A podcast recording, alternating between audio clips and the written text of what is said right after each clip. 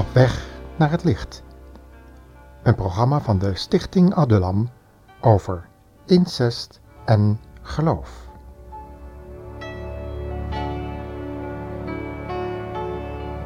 Heilig, heilig, heilig,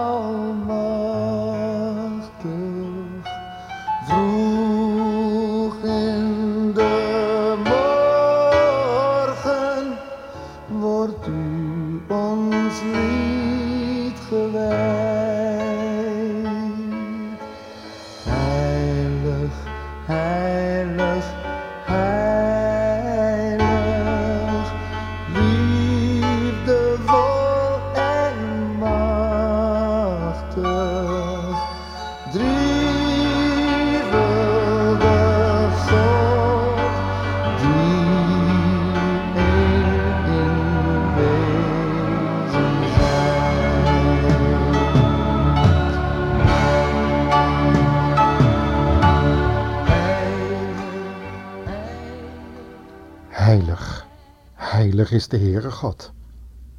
Dat is wel degelijk het programma-onderdeel wat we niet uit het oog mogen verliezen. Vooral als we het over de relatie incest en christelijk geloof hebben. Of welke geloofrichting ook. We hebben hier te maken met een heel ernstige waarschuwing. Niet zo lang geleden in een Nederlandse krant kwam het volgende artikel voor. Werkt ons christelijk geloof incest in de hand? Bieden bijbelteksten vaders de mogelijkheid om een dochter eerst seksueel te misbruiken en er vervolgens het zwijgen op te leggen? Steeds bad ik of het op mocht houden.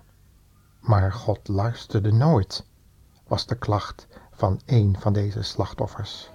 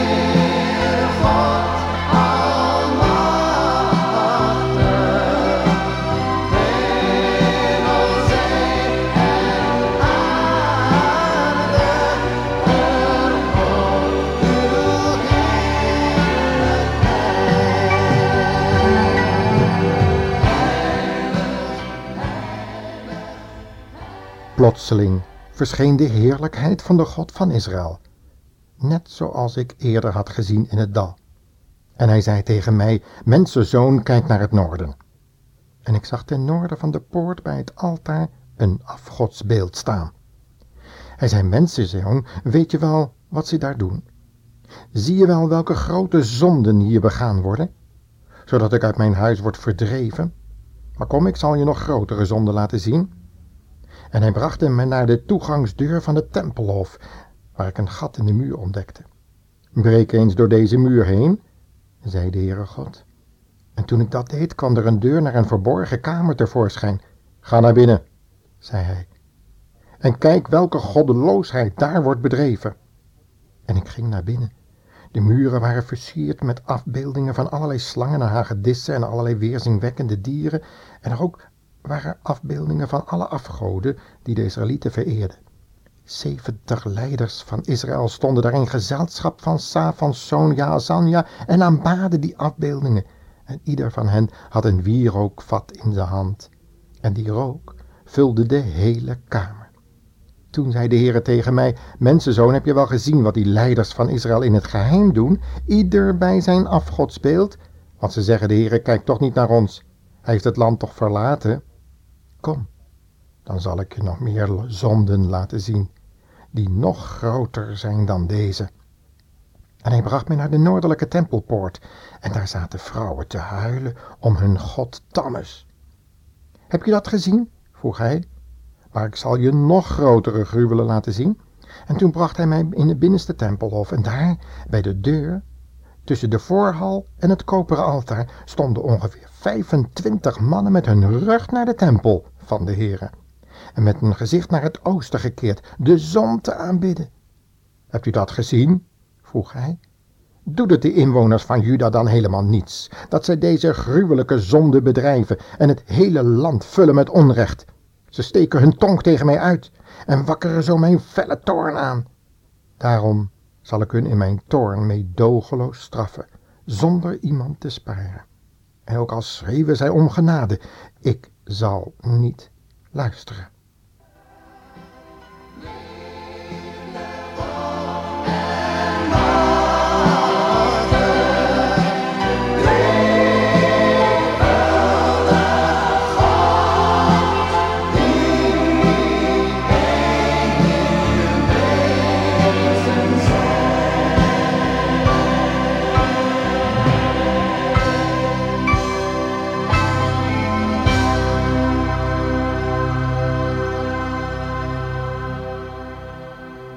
De rechtbank in Rotterdam veroordeelde begin deze maand een man tot een gevangenisstraf van vier jaar, wegens seksueel misbruik van zijn dochters. Bij de behandeling van de strafzaak kwam een rapport van de reclassering ter sprake, waarin een verband werd gelegd tussen de gepleegde misdaden en het geloof, waarbinnen de vrouw de man moet behagen, nederig en dienstbaar moet zijn. Het rapport is opgesteld door een zekere M. Keppel, maatschappelijk werkster bij de reclassering in Rotterdam. Zij zegt, laat ik er heel duidelijk in zijn. Die relatie heb ik zelf absoluut niet willen schetsen. Dat een advocaat iets uit zijn verband drukt, is onderdeel van het spel, hoe vervelend dat ook is. Volgens mevrouw Keppel heeft de verdachte het geloof sluw aangegrepen om zijn dochters te misbruiken. En ik zal de laatste zijn om te beweren dat dat geloof van hem aanzet tot incest. Incest kun je niet op het geloof schuiven. Dat heeft veel meer te maken met hoe iemand persoonlijk in elkaar steekt. Maar daarbij kan wel gebruik worden gemaakt van het geloof. Overigens verwijst mevrouw Keppel naar literatuur waarin godsdienst wordt gezien als een risicofactor voor incest. In een vorig jaar verschenen handboek voor hulpverleners schrijft psychiater F. Bruinsma over het gevaar van incest in religieuze kringen. En hij citeert de verklaring van een incestpleger, die meende dat er niets kwaads was bedreven. Immers, God heeft niet ingegrepen toen ik seks met mijn dochter had. Woedend en bitter is ook in 1985 een verband tussen godsdienst en incest gesuggereerd door feministen Imbens een theologe, en Jonker, een historica. Jaren achtereen, schreef Imbens, moest zij van haar moeders vader, die tevens haar verkrachter was, regelmatig horen dat vrouwen onreine, slechte zondaressen waren. Imbens verweet mannen dat zij in de praktijk de Bijbel gebruiken om vrouwen en meisjes onder de duim te houden en zo alle voorwaarden te scheppen om kinderen seksueel te misbruiken. Volgens Imbens en Jonker heeft de christelijke opvoeding meisjes tot gemakkelijke prooi gemaakt voor seksueel misbruik in gezin of familie. Een heel belangrijk krantenbericht.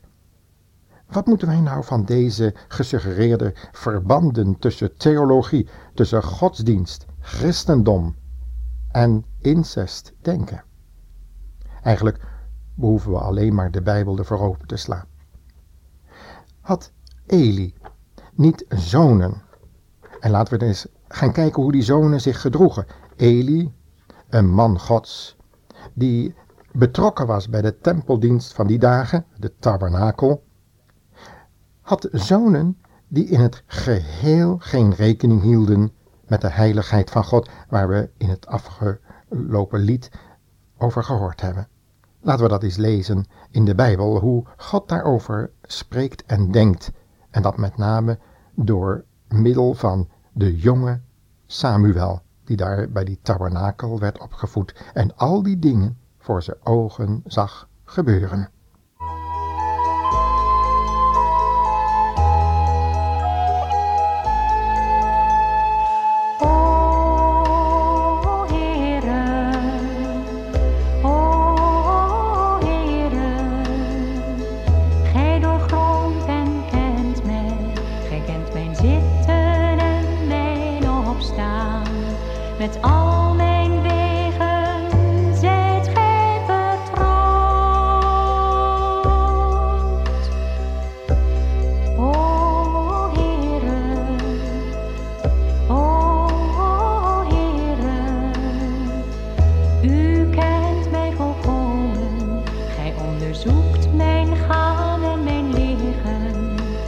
Met al mijn wegen zijt Gij vertrouwd.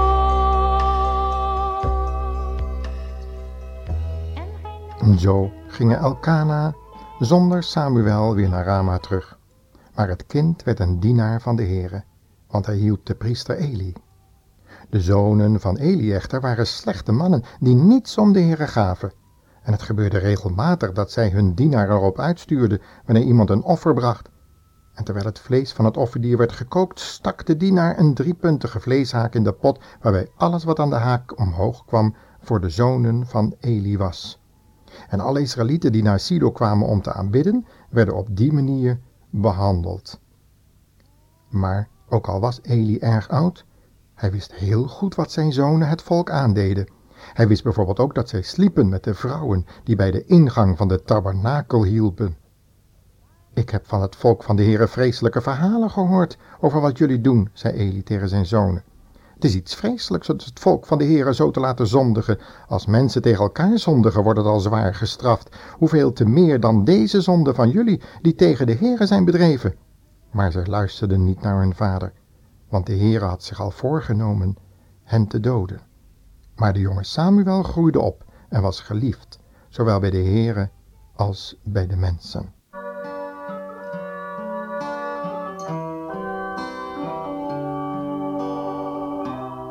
Incest in christelijke gezinnen. Het is een vreselijk kwaad, met vreselijke gevolgen. De slachtoffers verwarren God met hun eigen vader. Soms is er het gevoel dat God zich schaart aan de kant van de vader. Daarvan getuigen de volgende regels.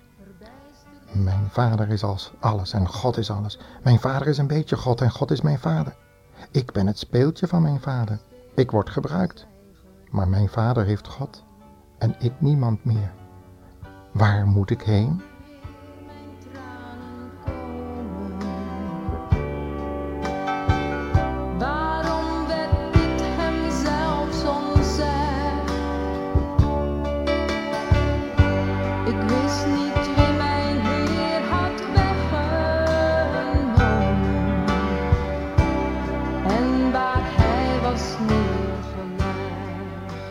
Het resultaat is dat dit soort slachtoffers vaak helemaal geen relatie meer wil hebben met de kerk of met de God van de Bijbel.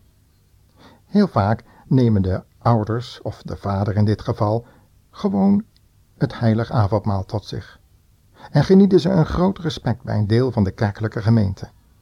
Daarom worden de verhalen van incest soms met ongeloof ontvangen. En toch helaas, het is waar. In Leviticus 18 staat dat het verboden is om geslachtsgemeenschap te hebben met een bloedverwant. En dan zegt de Beheere, ik ben heilig. Een zoon mag met zijn moeder geen geslachtsgemeenschap hebben. Daardoor wordt zijn vader onteerd. En dat geldt ook andersom. Wat is het toch verschrikkelijk als deze dingen toch gebeuren, maar laten wij voor degenen die slachtoffers zijn bidden. En hen erop wijzen dat de God van de Bijbel heel andere dingen vertelt. En laten we wijzen op de genezende en vergevende liefde van de Heer Jezus, die zich ook voor dat soort zonden naar het kruis heeft laten brengen. Om ook de slachtoffers te verzoenen met God. Te verzoenen en te reinigen van alle ongerechtigheid, ook wat anderen hebben aangedaan. Geef God dat, mocht er iemand die slachtoffer is naar dit uit deze programma's luisteren, dat hij vrede mag vinden bij de Heer Jezus.